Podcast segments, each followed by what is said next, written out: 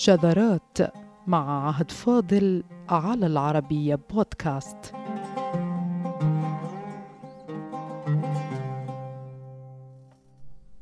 كتاب الرحل العربي والذي سبق وعرضناه لكم أعزائنا لم يكن من جملة أدواته أي قطعة سلاح لا للدفاع عن النفس ولا للإغارة أو الهجوم على الغير.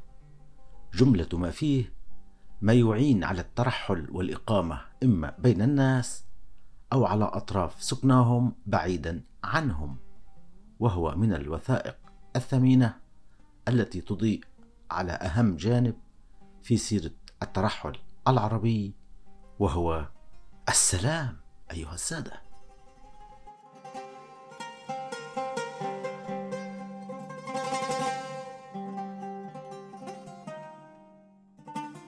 ومع السلام هذا لا يستغرب ولادة قصص الحب وقصص من قتلهم الحب. سنرى تناقضا بين سلام كتاب الرحل العربي وفعل القتل الذي حصل في الحب سواء الموت عشقا وهو الغالب أو القتل بسبب الحب. وما يعنينا هنا الموت عشقا وهو يتفق مع الرحل العربي الخالي من أي قطعة سلاح.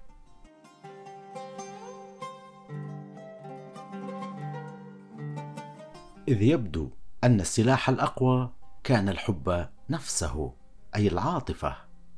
فإذا تمكنا كما هو في سيرة الحب العربي من معرفة هؤلاء الذين صرعهم العشق فما هو سر أن يكون أحدهم آخر واحد قتله الحب. هل يعقل أن هذا الشخص أو ذاك هو آخر من قتله العشق؟ ولماذا لجأ المصنفون العرب إلى إطلاق هذا التعميم؟ لماذا لم يتحوطوا من إمكانية أن يأتي شخص ما يقتله العشق لاحقا فيسقط التعميم ويخترق بواقعة ستحصل على الأرض؟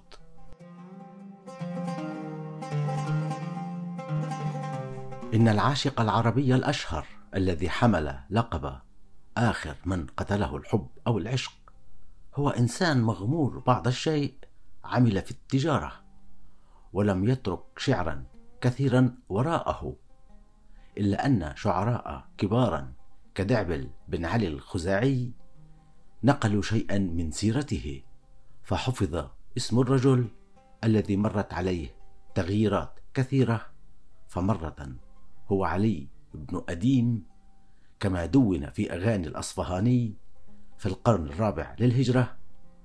ومرة هو علي بن آدم كما دون في الوافي بالوفيات للصفدي في القرن الهجري السابع.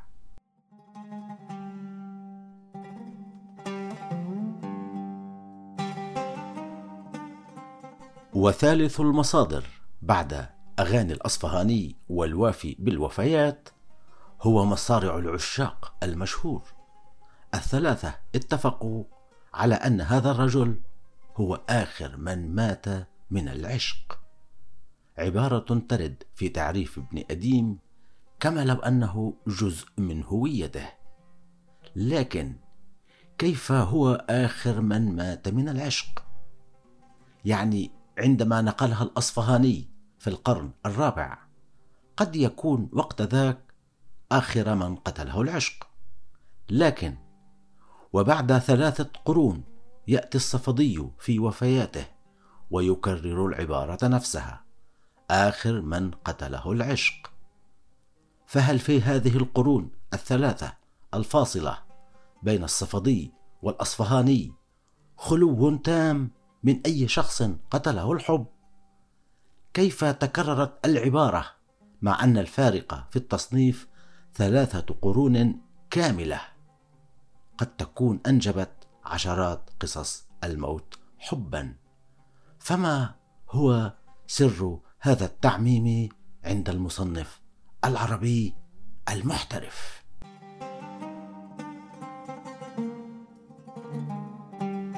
السر كامن في الشعر أيها السادة.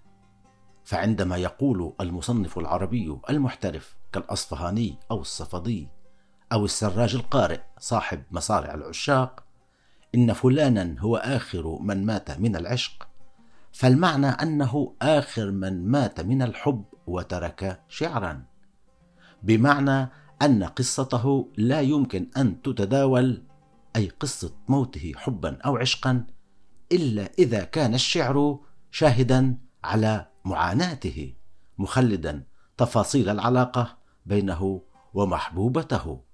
ولهذا ليس من المصادفة أن العشاق العرب من مات منهم من الحب ومن لم يمت كانوا شعراء أيها السادة. اذا الحب والشعر قضية واحدة وبدون الثانية لا يتم الإقرار بالأولى لأن قصة أن يموت هذا أو ذاك من العشق هي تفاصيل شخصية عابرة إلا أن ما يجعلها قيمة اجتماعية أو موروثا ثقافيا هو الشعر والرواية. فلذلك فإن آخر من مات من العشق هو آخر واحد فيهم مات من العشق وكان شاعرا.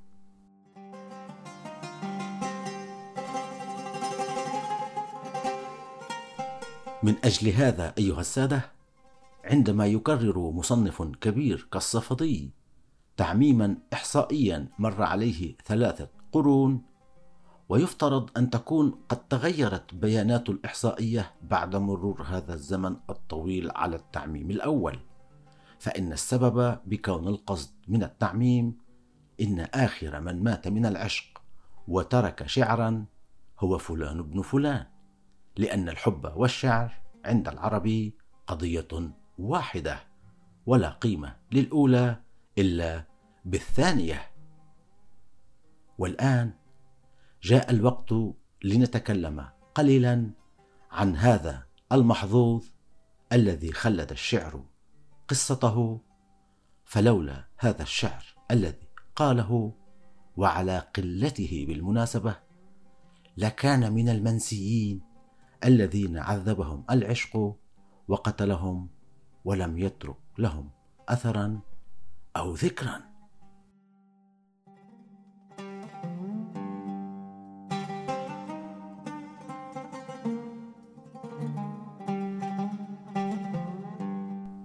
المتفق على أن آخر من مات من العشق هو رجل عربي عمل في تجارة الأقمشة بين الكوفة وبادية السماوة والبصرة أو عمل في خياطة الجلد.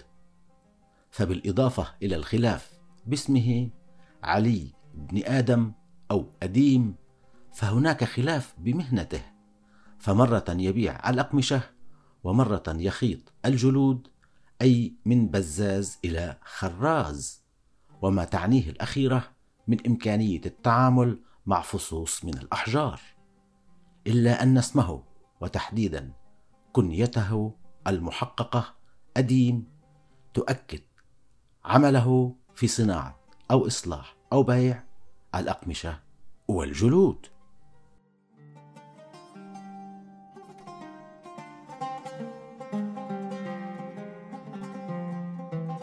في ظل هذه المهنة حصل تعارف ما بين ابن اديم وامرأة تدعى منهلة أو منهلة بحسب المصادر التي تغير فيها ضبط اسم المرأة المذكورة التي كانت توصف بجارية وقت ذاك. الرجل هام حبا بها واشتهر امرهما بين الناس إلى الدرجة التي وضع فيها كتاب عنهما كما قال رؤساء التصنيف. مع أن هذا الكتاب الذي وضع في الكوفة كما قيل لم يصل إلى يد المحققين العرب حتى الآن. وقد تظهره الأيام من بين ما تظهر في مخطوطات العرب الثمينة المفقودة.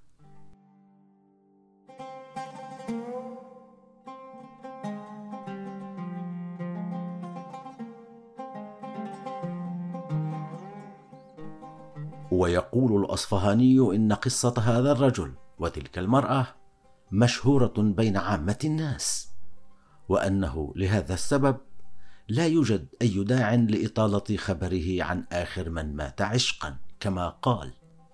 الأمر الذي يؤكد أن ابن أديم ومنهلة كانا أشهر من أن يقوم المصنف الشهير بتكرار تفاصيلهما في كتابه. لأنها كانت دارجة بقوة بين الناس.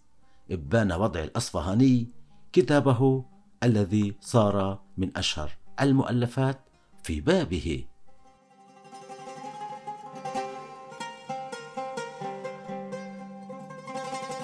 التاجر كانت تجمعه مهنته أو صنعته بكثير من الناس بطبيعة الحال. منهم منهلة التي ملكت عقله وقلبه. لكن مصنفين آخرين كصاحب مصارع العشاق يقول إن ابن أديم تعلق منهلة عندما رآها لابسة السواد فقال فيها إني لما يعتادني من حب لابسة السواد في فتنة وبلية ما ان يطيقهما. فؤادي فبقيت لا دنيا أنال وفاتني طلب المعاد. وأردف صاحب مصارع العشاق بالقول وأصابه عليها شبيه الجنون.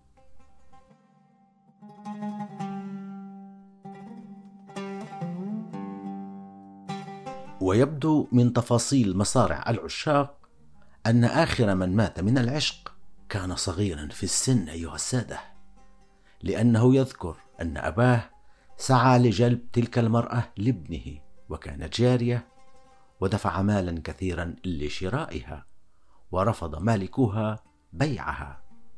ويبدو أنها رحلت فمات غما عندما علم بذلك. سنلاحظ معا أعزائنا أن الأبيات الثلاثة السابقة لابن اديم كانت كافية لتخليد ذكره أو قصة حبه. ولولا تلك الأبيات لما أدرجت في الرواية حكايته ولا ما كان لقصته أي تأثير لأن التأثير عند العربي محكوم بالشعر. هو اولا ثم بقية الأشياء.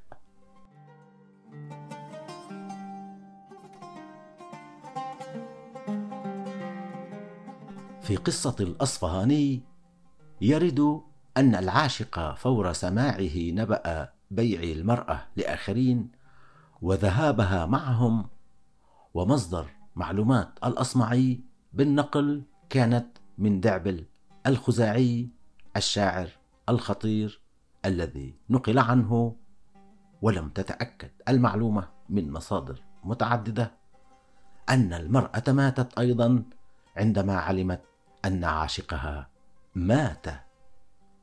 الخزاعي كان مهتما بقصة ابن أديم فجمع معلومات متعددة تشير إلى أن ابن أديم كان يتحايل بالذهاب إلى أحد المؤدبين وحضور دروسه. فقط ليجتمع بمنهلة أو منهلة. يقول إنه كان يذهب عند المدرس ليرى معشوقته وينظر إليها. كذا بالحرف الواحد. يبدو أن الرجل كان متيما بها إلى الحد الأقصى.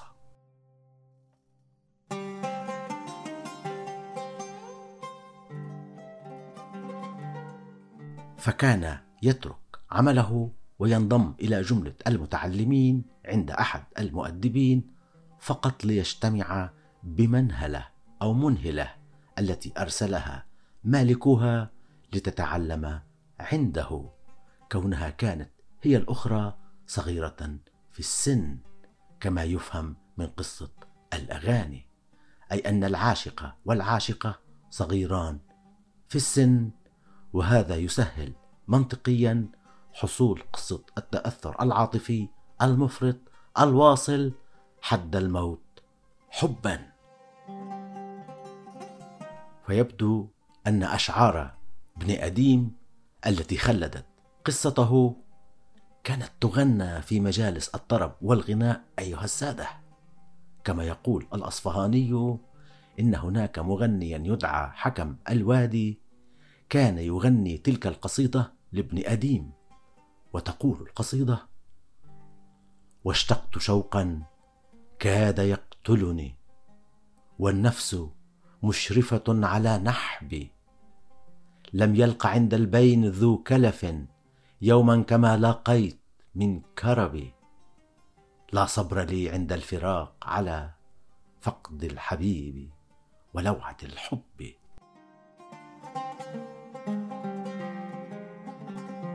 هكذا أيها السادة.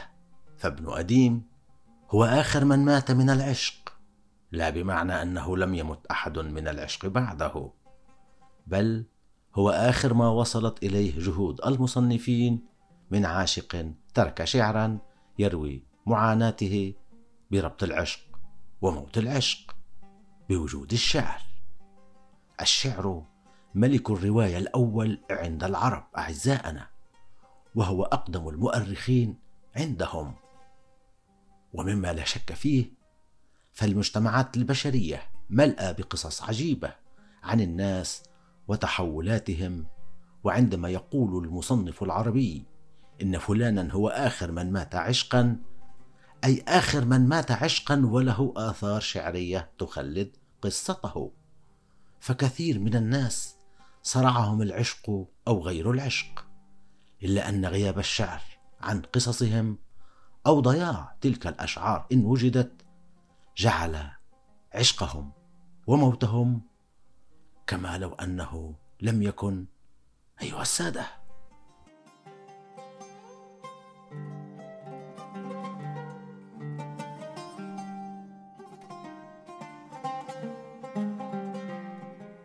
ومما انفرد الصفدي بنسبته إلى آخر من مات عشقا علي بن أديم بيتان من الشعر عن لابسة السواد. تلك التي ارتبطت صفتها به. وسيلاحظ أن ربط الموت بالحب يتكرر مرة أخرى عند هذا العاشق العربي الذي قال يا نصب عيني لا أرى حيث التفت سواك شيا إني لميت إن صددت وإن وصلت رجعت حيا. والسلام عليكم.